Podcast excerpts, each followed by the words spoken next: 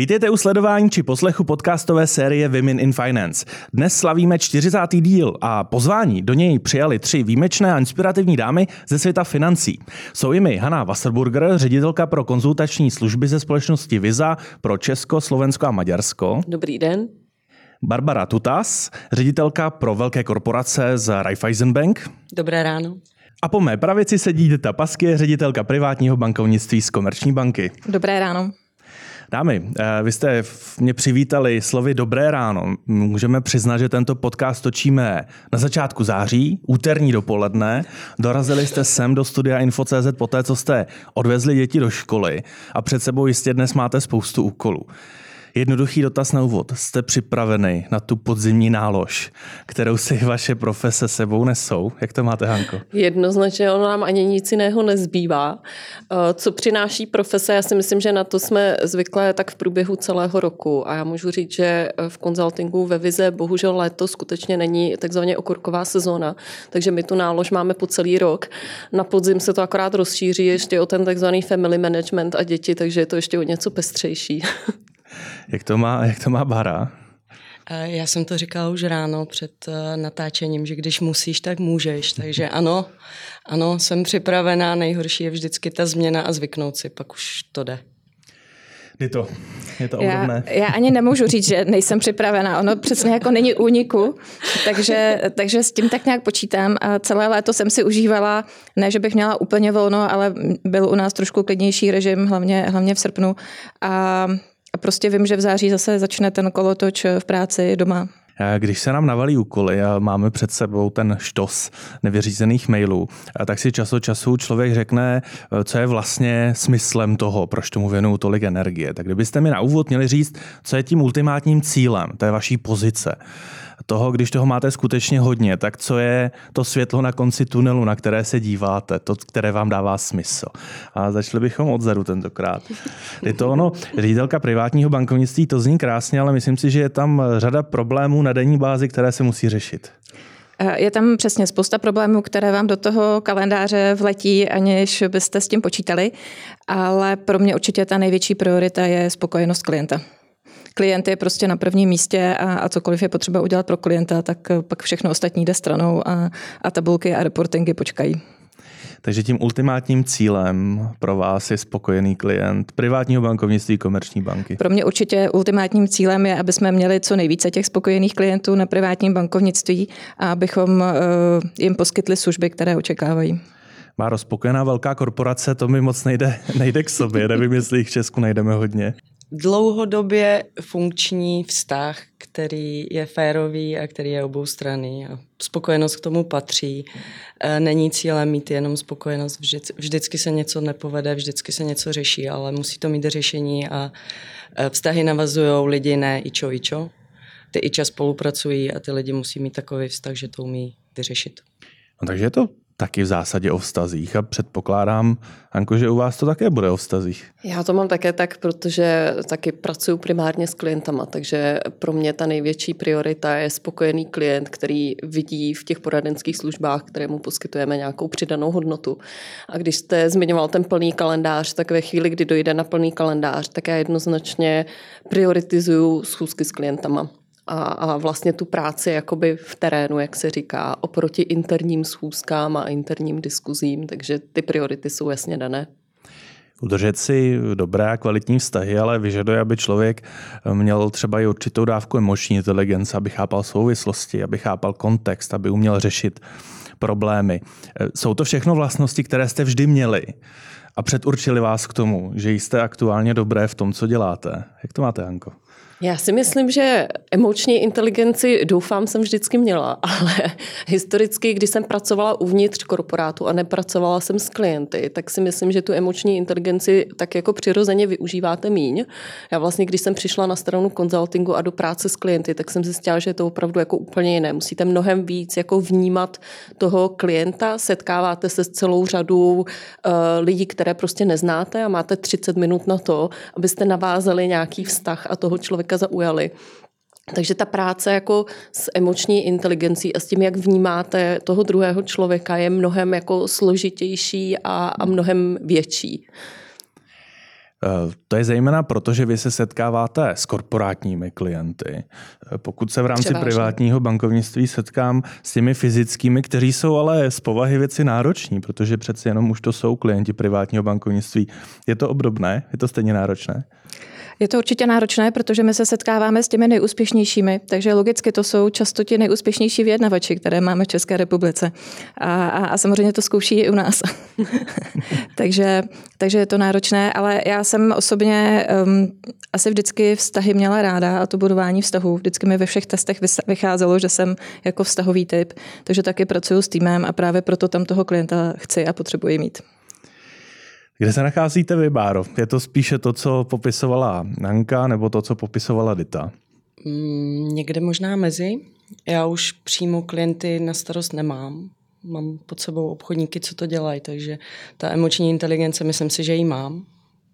Otázka v jaké míře, ale myslím si, že ano, že s tím pracovat umím. Nicméně tu hlavní emoční inteligenci, ať už při získávání klienta, anebo při tom prvním řešení problému, když nějaký vznikne, musí mít ten obchodník. Já se k tomu dostávám v momentu, kdy buď toto už je vyřešeno, a nebo je to tak excitované, že toto řešení potřebuje. A tam naopak je dobré stáhnout se, zkusit více naslouchat. Těch emocí tam už standardně je hodně. A zkusit ty emoce z toho, pochopit je, ale vyndat je z toho.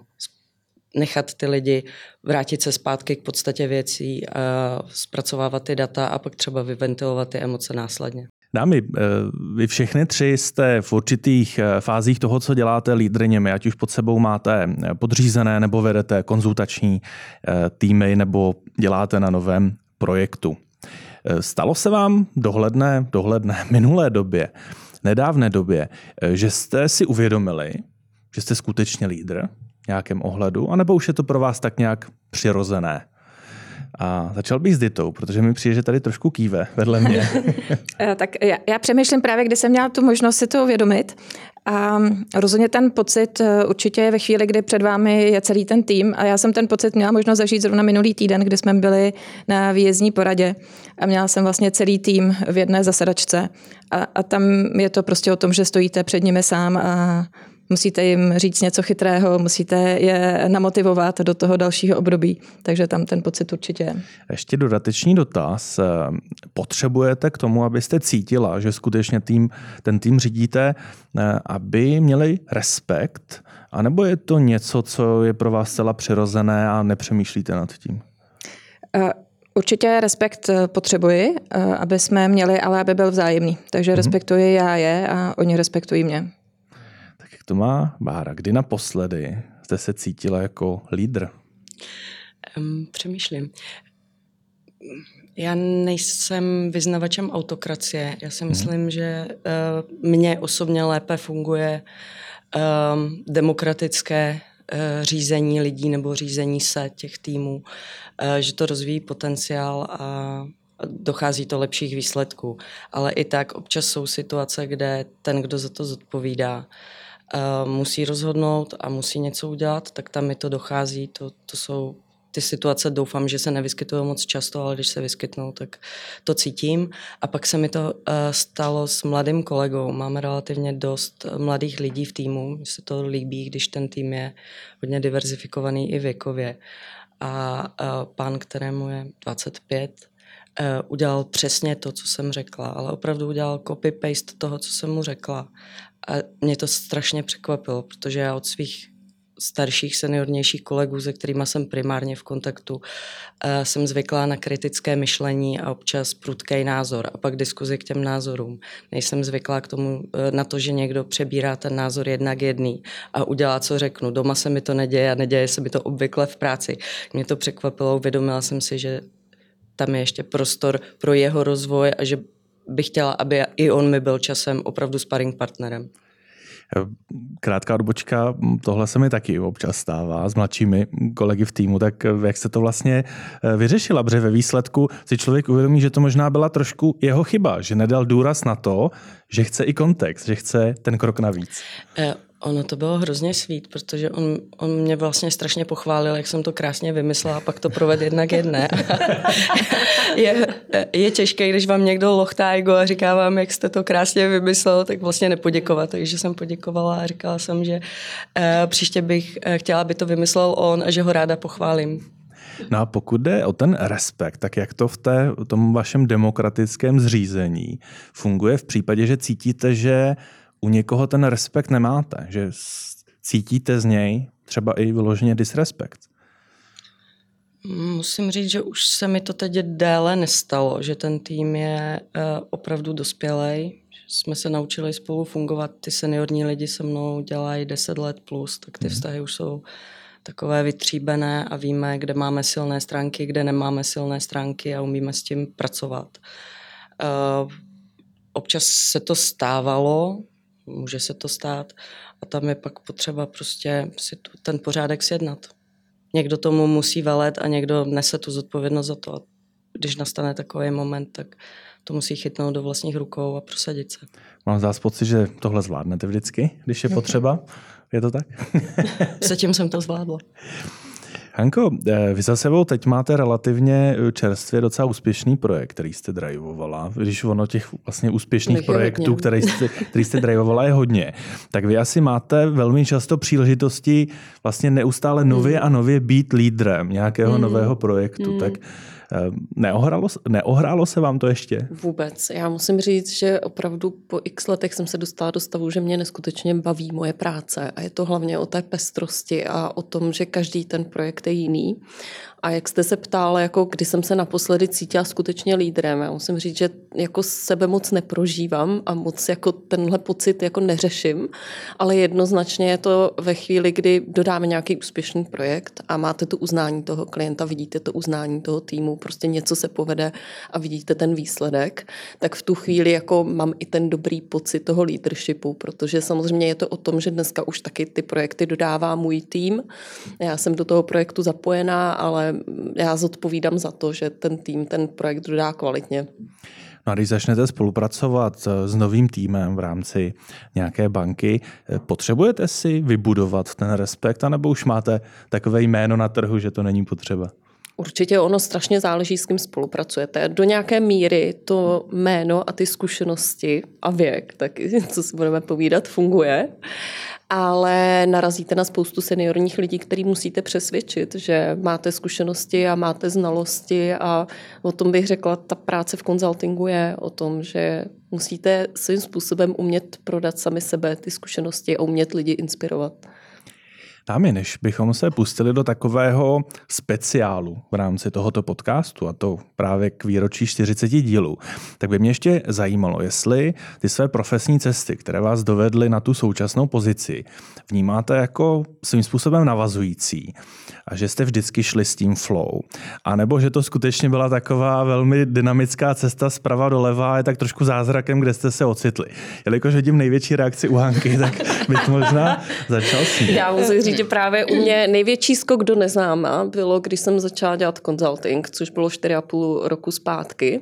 Předtím jsem pracovala uvnitř korporace v produktovém marketingu a byla to opravdu úplně jiná práce. A pamatuju si potom, když jsem jako měnila zaměstnání, tak jsem si říkala, jo, zkusím consulting, ale myslím si, že jsem jako vůbec nevěděla, do čeho jdu a říkala jsem si, tak vždycky jsem chtěla takovouhle práci zkusit, tak půjdu do toho a uvidím, ale absolutně jsem netušila, jestli mi ta práce sedne, jestli v ní dokážu být úspěšná a věděla jsem, že potřebuju úplně jiné dovednosti, než jsem měla předtím. Takže pro mě tohle byl jako velký kariérní krok stranou, který se ale nakonec vyplatil. A současně v době, nebo pokud máte skutečně hodně úkolů před sebou, jste, máte velmi naloženo, je vůbec čas reflektovat, jestli teda je mi stále v té pozici dobře a jestli to rozhodnutí a ty vize, ze kterými hmm. jste do ní šla, jsou naplňovány?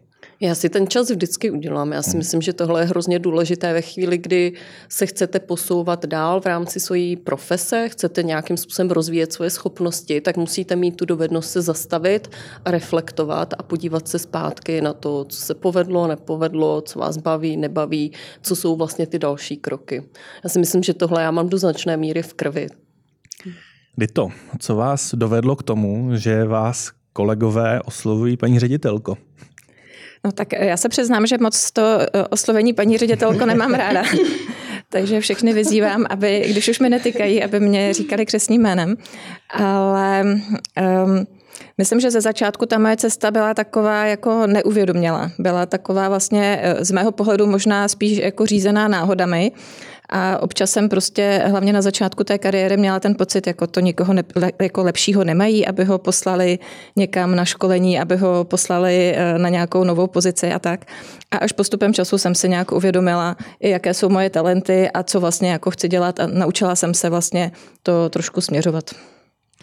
No a pokud jde o to reflektování eh, té kariérní cesty v době, kdy skutečně mám opravdu hodně úkolů a každý den se jenom snažím je odliferovat. A najdete si na to čas? Já hodně jezdím autem, takže to je pro mě taková, taková místnost, eh, kde se prostě sama zavřu a, a, a mám čas nad tím přemýšlet. A dost často se mi to děje právě po cestě z práce. Jako po cestě do práce většinou telefonuju, něco poslouchám a tak, ale po cestě z práce už mám ráda to ticho na, na přemýšlení a na klid tak my jenom budeme doufat, že vždycky to budou pozitivní myšlenky, aby, aby náhodou ta cesta nebyla dramatická. a jak to má Bára? On asi eh, bychom nenašli mnoho eh, dívek, které by sněly o tom, že se jednou stanou ředitelkami pro velké korporace v rámci banky, že to asi není eh, takový ten dětský dream job, i když to asi možná žádná z těch profesí, kterou tady máme u stolu. Já jsem nechtěla být původně ředitelkou, já jsem jenom chtěla dělat něco s financema a s firmama, mhm. protože, a věděla jsem to ve 14, eh, rodiče pracovali ve velké chemičce, máma řídila nákup a táta prodej. A já jsem strávila dětství u večeří, kde se natahovali, kdo špatně prodal a kdo blbě koupil. A já jsem jim říkala, už dost, už stačí. Já bych chtěla dělat ty finance, ty prachy mezi váma. A Když by pak bylo 18, tak jsem hrozně chtěla džíny, které jsem neměla. Tehdy byl ještě snad Tuzex, nebo možná už ne, ale těsně po. A tak jsem si říkala, tak půjdu tedy do těch financí, půjdu se podívat, kde by mě vzali, tak jsem obešla čtyři banky a ta čtvrtá mě vzala. A s chodou okolností ten pan, co mě vzal, byl generální ředitel a mm-hmm. um, řídil taky korporát, takže dával mi na výběr buď to treasury nebo korporát. A uh, nejdřív jsem začala na trežery a tam mi kluci řekli, hele, ty se pomalu rozhoduješ, ty jdi radši do korporátu. tak jsem tady. Ono to zní, že se to tak nějak přihodilo, ale myslím, že jste si to eh, musela řádně odpracovat, že nikdo by vám nenabídl tu pozici, kdybyste na to neměla. Eh, vnímáte, že v určitý moment jste do toho skutečně dala sebe eh, a povedlo se? A nebo to celé skutečně vnímáte, že se tak jako, tak nějak se povedlo? Ne, mě hrozně baví lidi a hrozně mě baví, když se tvoří něco nového. Hmm. A v těch velkých firmách tam je to specifikum toho, že ty velké firmy jsou často velmi inovativní, že eh, buď to tvoří trendy, anebo ty trendy importují ze zahraničí. A že vlastně vidíte super chytrý lidi, kteří mají eh, super nápad a taky super odvahu ho provést. A to je, to je skvělé několikrát za život mi nabízeli jít do některé z těch firm a já jsem neměla tu schopnost vybrat si to odvětví, kam bych šla, protože pak bych neviděla ty ostatní, jak jsem zvědavá, tak eh, jsem si říkala, že ještě se podívám, co mají ti další. Baví mě to, baví. Dámy, přeskočíme k té čtyřicíce. Nebojte, nebudu se ptát, jestli to vnímáte jako věk, který nás deprimuje, byť eh, mě, jak se blíží, tak samozřejmě z toho radost nemám, ale nebojte, vy do ní máte ještě daleko. Ale využil bych tuto číslovku eh, k takovému, takovému setu otázek. A spojil bych to s časem, protože čas je, předpokládám, eh, něco a možná volný čas je něco, čeho je vždycky nedostatek a zejména na exponovaných pozicích. Tak kdybyste měli vybrat věc, u které máte jistotu, že ji dokážete dělat 40 let a nikdy vás neomrzí. Může to být pracovní, nepracovní aktivita, záliba, cokoliv. Co byste vybrali? Začneme s Ankou. Pro mě to určitě je moje, moje práce. A já teda bohužel jsem ten člověk, který v životě hodně prioritizuje práci, takže určitě consulting. A kdybych měla vybrat něco nepracovního, tak je to tenis. Mm-hmm. Ten mě baví. Co byste vybrala vy? Mm, lidi a cestování. Uh-huh. A lidi v jakém kontextu? V jakémkoliv. Jo. Takže 40 let se potkávat s lidmi. Jo, jsem extrovert, potřebuju lidi. Kdy to? Um, já se na v tom pracovním kontextu bych měla právě taky vedení lidí a, a, a, a mentoring eh, třeba s tím spojený a nějaký jako rozvoj těch lidí, které, které potkávám nebo které mám pod sebou. Jenom dodatečná otázka. Všechny jste zmínili tu práci, práci s lidmi. Je pro vás představitelné být 40 let pod jedním zaměstnavatelem a jaká by byla ta klíčová podmínka? Bylo by to, že se to musí hmm. neustále dynamicky měnit, mm. anebo naopak být ustálené, abyste si mohli hledat v klidu nové a nové výzvy? Tak kdy to? No, tak ehm, já budu slavit 20 let pod jedním zaměstnavatelem. Tak to je pořád a, polovina. A mám pocit ale, že eh, s rostoucím věkem už je to jako čím dál tím těžší toho zaměstnavatele měnit. Takže teď vlastně si tak jako zpracovávám to, že pravděpodobně už to u toho jednoho zaměstnavatele dotáhnu, ale samozřejmě nikdy člověk nevidí dopředu, co se, co se může stát. A tak zase se musí dodat, že to bankovní prostředí za těch 20 let se tak dramaticky hmm. proměnilo, že už dneska děláte v tak trošku jiné firmě, než když jste začínala. Eh, to určitě a já jsem i vlastně během té své kariéry eh, i v rámci té banky hodně měnila pozice a přecházela z centrály hmm. do biznesu a zase zpátky.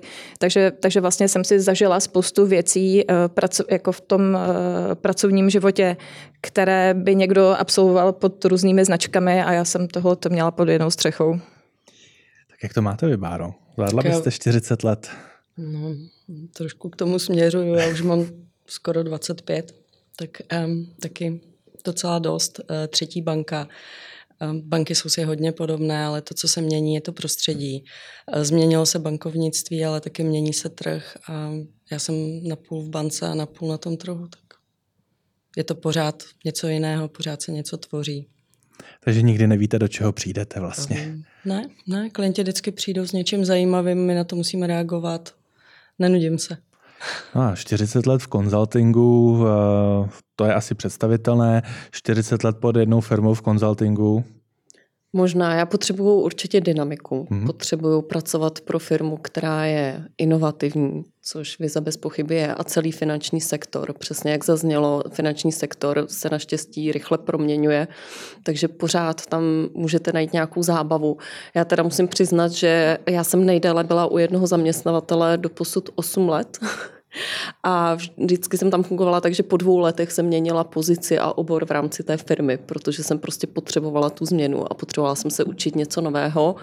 Samozřejmě tím, jak jsem starší, už tak jako velkou dynamiku nepotřebuju, ale ano, dovedu si představit 40 let v konzultingu, 40 let ve vize. Přeskočíme na 40 dnů. Kdybyste dostali za úkol za 40 dnů se perfektně naučit jinou profesi, do které byste měli přejít, tak jakou byste vybrali? Jinými slovy, k čemu si myslíte, že máte dobré předpoklady? Začali bychom u Báry. Přemýšlím, možná, možná bych se podívala na vedení projektů, protože to je práce s lidma, to je hodně o komunikaci, o um, schopnosti poskládat dobře tým, využít jeho talenty a pak ho nějak uřídit. Možná, možná tohle. Kdy to? Já to mám, já to mám jednoznačně eh, určitě učitelka. Mhm. mě, mě vlastně jako hrozně baví jako učit děti, dělat s dětma úkoly, dělat s nimi ty projekty, vymýšlet a, a když mám možnost si odskočit a něco prezentovat studentům, tak mě to vlastně hrozně jako nabíjí energií. A sama jsem učitelské rodiny, tak se vždycky pokládám, jak moc je to jako genetikou a, a jak moc je to dáno prostě tím prostředím, které mě ovlivnilo a, a, a nějakými vnitřními pochody. No co by vybrala Hanka? No, kdyby to šlo za 40 dní, tak bych se strašně ráda naučila dream job, který mám od malička a chtěla bych být architektka. Hmm.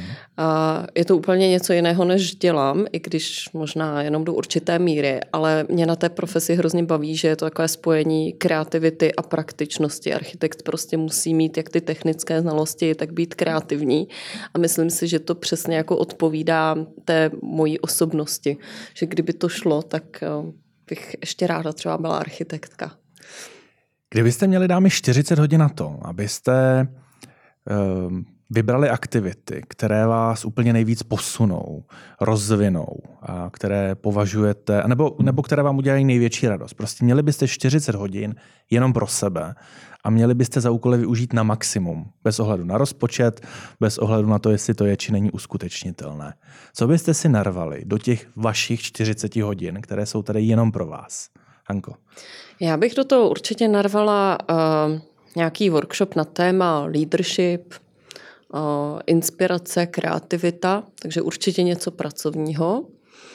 Určitě bych tam dala nějaké ze svých koníčků, nějakou zajímavou cestu, pokud bych to stihla ve 40 hodinách, aspoň Bratislavu, kterou jezdím často.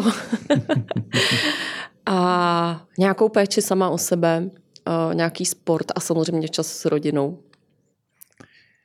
Co by, ale to už není čas pro sebe.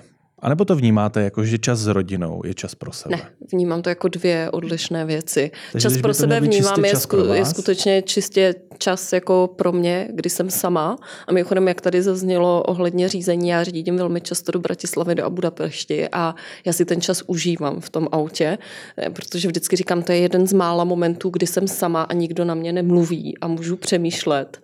A kolegové se vždycky smějou, protože občas někdo přijde v kanceláři s takovým tím, nejedeš do Bratislavy, nevezmeš mě. Já říkám, ne, já ráda jezdím sama. tak teď už naštěstí budou znát kontext, proč říkáte ne.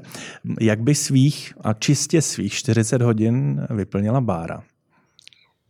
Chlad, sníh, uh, jít z bodu A do bodu B, nevím, musela bych na tím chvilku přemýšlet, odkud kam. Uh, fyzická aktivita, uh, pravděpodobně ne auto, lyže, um, sněžnice, cokoliv.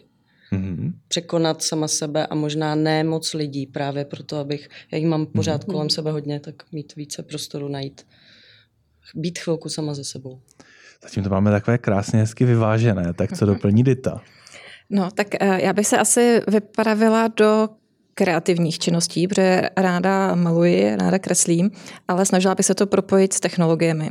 Vlastně mám i ráda jakoby různé digitální vychytávky, apky a podobně, tak přemýšlím, že bych zkusila tady ty dva světy propojit a, a podívat se třeba na, na grafický design, počítačový design a, a, a něco s tím jako spojeného, aby tam byla kreativa a, a ta technologie. Takže v tom svém me time byste se rozvíjela po této stránce. Nezavřela byste se někde ve strubu v horách a nespala celou dobu? Ne, nezavřela bych se do strubu.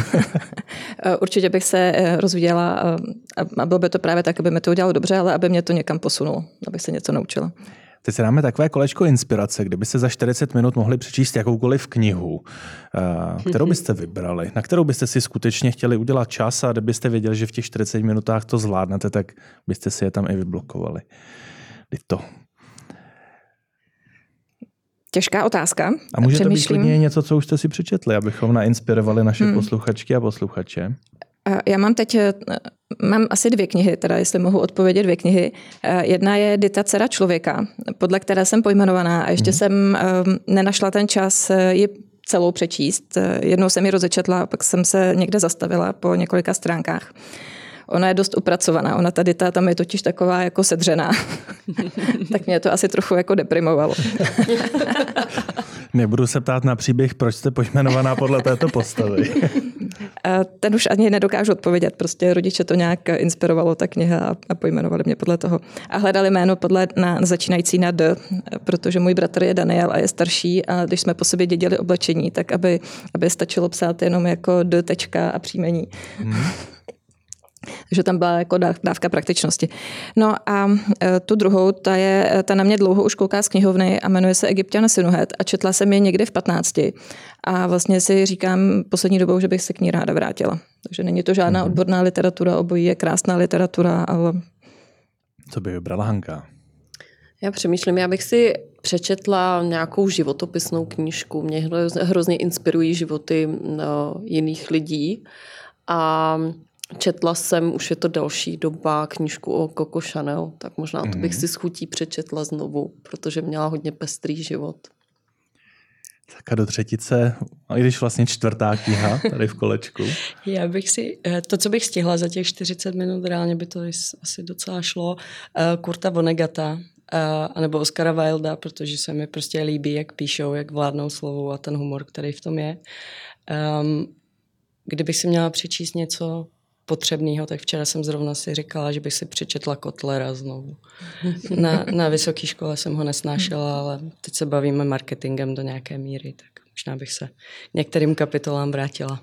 Taková krátká odbočka, myslím si, že jsem se na to za 40 dílů tohoto podcastu ptal, myslím, jenom jednou eh, v díle, kde jsme se dostali k literatuře. Ehm, kdyby měla vzniknout životopisná kniha o vás, jaký název by mohla mít? A ponechám čistě na vás, jestli zvolíte serióznější, méně serióznější variantu. Co, byste, co je první věc, která vás napadne, Báro? Já nemůžu takhle do vysílání. Mě napadl ten komentář mého syna po návratu z dovolené. Fucking perfectionism. Ale to by byl krásný název a myslím si, že v Česku by to prošlo. To by vybrala Hanka. Omlouvám se. Mě asi to první, co napadlo eh, v poklusu. V poklusu. Mhm. Mě napadlo uh, dita práce všeho druhu. Dámy, no a na poslední časový dotaz, uh, který se týká uh, čtyřicítky, si vezmu mobil a stopky a za chvilku vám vysvětlím proč. Protože bych rád chtěl a pravidelní posluchači a posluchačky tohoto podcastu ví, že se na to ptám rád, tak bych vás rád poprosil, abyste mi každá během 40 vteřin, a nebojte se je naplnit, řekli, v čem jste skutečně, ale skutečně dobré.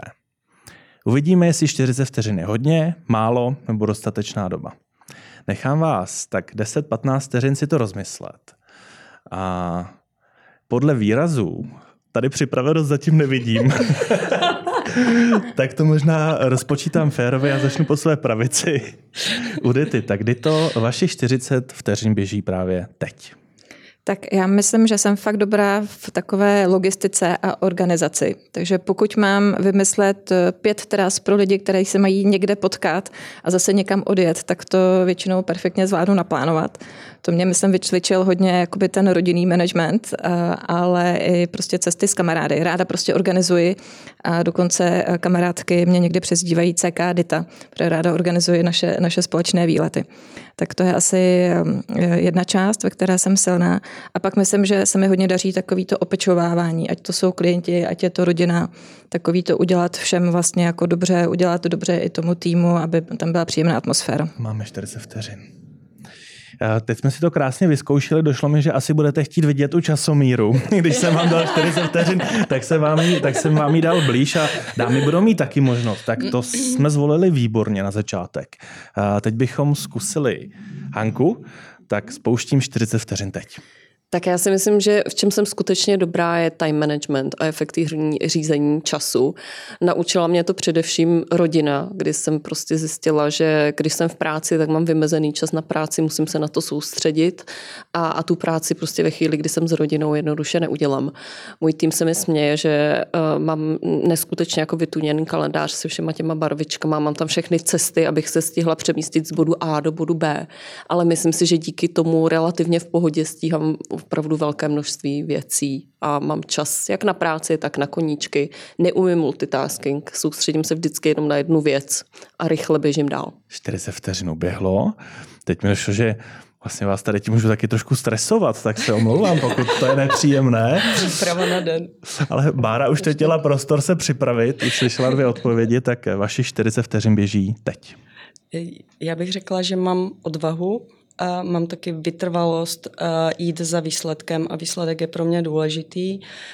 Um, mám schopnost stavět si kolem sebe týmy silných lidí a respektovat je, akceptovat je, umět s nima spolupracovat, komunikovat. Nebojím se výzev, mám je naopak ráda, vyhledávám je a snažím se ten tým, když to zrovna nejde, namotivovat tak, aby věřili tomu, že to jde aby šli za ten svůj pomyslný, eh, za tu svoji pomyslnou hranici a společně jsme to dali. Zbyly nám tři vteřinky, ale myslím, že tím, že jste dodala hned několik věcí, tak vám ty tři vteřinky rád odpustím. Námi moc díky, že jste to zvládli. To myslím, že svědčí o tom, že jsem si do tohoto výročního dílu nemohl pozvat eh, lepší trojici hostů. A abychom ty čtyřicítky nějak zakončili, tak mě tak napadá, co by pro vás byla až ten čas za dlouho nastane. Taková snová oslava čtyřicetin. Skutečně dream oslava, eh, bylo by to na speciálním místě, bylo by to prací, bylo by to čistě jenom s rodinou, bylo by to o samotě. Vy si mohli vybrat skutečně cokoliv. Hanko. Já na tě přemýšlím. Já bohužel neumím moc slavit. To je jako moje slabost. Ne, jako neumím se zastavit a oslavit úspěch. Ale když nad tím přemýšlím, asi první, co mě teď napadá, protože teď jsem jako opravdu mám velkou chuť jako cestovat, tak si dovedu představit nějaký výlet do Paříže z večeří, hezky jako v poklidu, bez dětí, bytě mám velmi ráda. to bych si jako skutečně užila. Máme tady už jeden tip. Co Bára? Tak kdyby to velmi teoreticky chtělo nastat, tak eh, bych řekla nezastavit se a jít dál ze dvou důvodů. Že to je te, teprve půlka života možná, možná třetina eh, věda jde dopředu. A druhá věc je, že mám narozeniny před Vánoci a tam se zastavit nedá. Mm-hmm. Tak to mě mrzí, že to máte termínově tak to nevhodné. No a co by vybrala Dita? Tak já na rozdíl od Hanky bych jako udělala pořádnou party. jako aby tam bylo dobrý jídlo, aby tam byl dobrý DJ a prostě aby se jako uh, slavilo celou noc. A my hmm. úplně závěrem, protože se blížíme k 40 minutám natočených tohoto podcastu, ať to držíme v nějaké normě, tak nám se blíží eh, debata, kterou chystá projekt Finženy, ve které zasednou generální ředitelé největších českých bank a pojišťoven a budou debatovat témata, která jsou klíčová pro dámy zapojené ve fórech Finžen. Vy všechny tři jste byli zařazeny ve skupině 101 30 inspirativních žen ve světě financích. V návaznosti na to se účastníte takového rozvojového programu Fora Finžena, debatujete tam různá témata, ehm, eh, zprava, zleva a podobně. Eh, kdybyste každá za sebe měli vybrat jednu otázku, jedno téma, které vám přijde, že by měli vnímat i muži ve vedení finančních institucí a současně je to téma, které je důležité i pro ženy, co byste vybrali? No, tak eh, a vzhledem k tomu, že předpokládám, že Bára se nemůže účastnit fyzicky této akce, tak s ní začneme. Uh-huh. Já bych doporučila všem mužům, a to nejenom ředitelům a generálním ředitelům, eh, udělat si výměnu rolí. Na týden stačí. Prostě jenom to zkusit. My jsme a se bavili myslíte dneska... v rámci rodiny nebo v rámci té firmy? Aby si zkusili například jít na Ať si vyberou pozici. libovolnou uh, nemanažerku, zaměstnankyni a prostě jenom si s ní, asi těžko si to vymění, ale zkusí jí stínovat týden a zjistí, co všechno ta ženská standardně musí zvládat, za jakých podmínek. Uh, častokrát i s nějakým platem, s nějakým dojížděním. Um, myslím si, že by to bylo fajn. Možná naopak taky, kdyby zaměstnanci se podívali, co zvládá generální ředitel, tak by taky prozřeli. Díky moc za jeden super zajímavý tip. Co by vybrala Hanka? Já bych jim určitě doporučila, aby si vyzkoušeli tu ženskou roli, ale jako se všem všudy, nejenom tu práci, ale co to znamená ráno vést děti do školy, pak běžet do práce, pak je případně odvést někam na kroužek, neustále zařizovat kolem rodiny spoustu věcí. To bych jim doporučila, protože si myslím, že v tu chvíli jako pochopí, jak ty ženy jako žijou a v jakém kontextu vlastně dělají tu svoji práci. No a do třetice, co by vybrala Dita? No, já bych je spíš požádala, aby se zaměřili a, a zamysleli nad tím, um, jak třeba zlepšit školství, posílit školství a jak udělat tu budoucnost pro ty naše děti zajímavější, zářivější. Nechci říkat jednodušší, to asi úplně ne.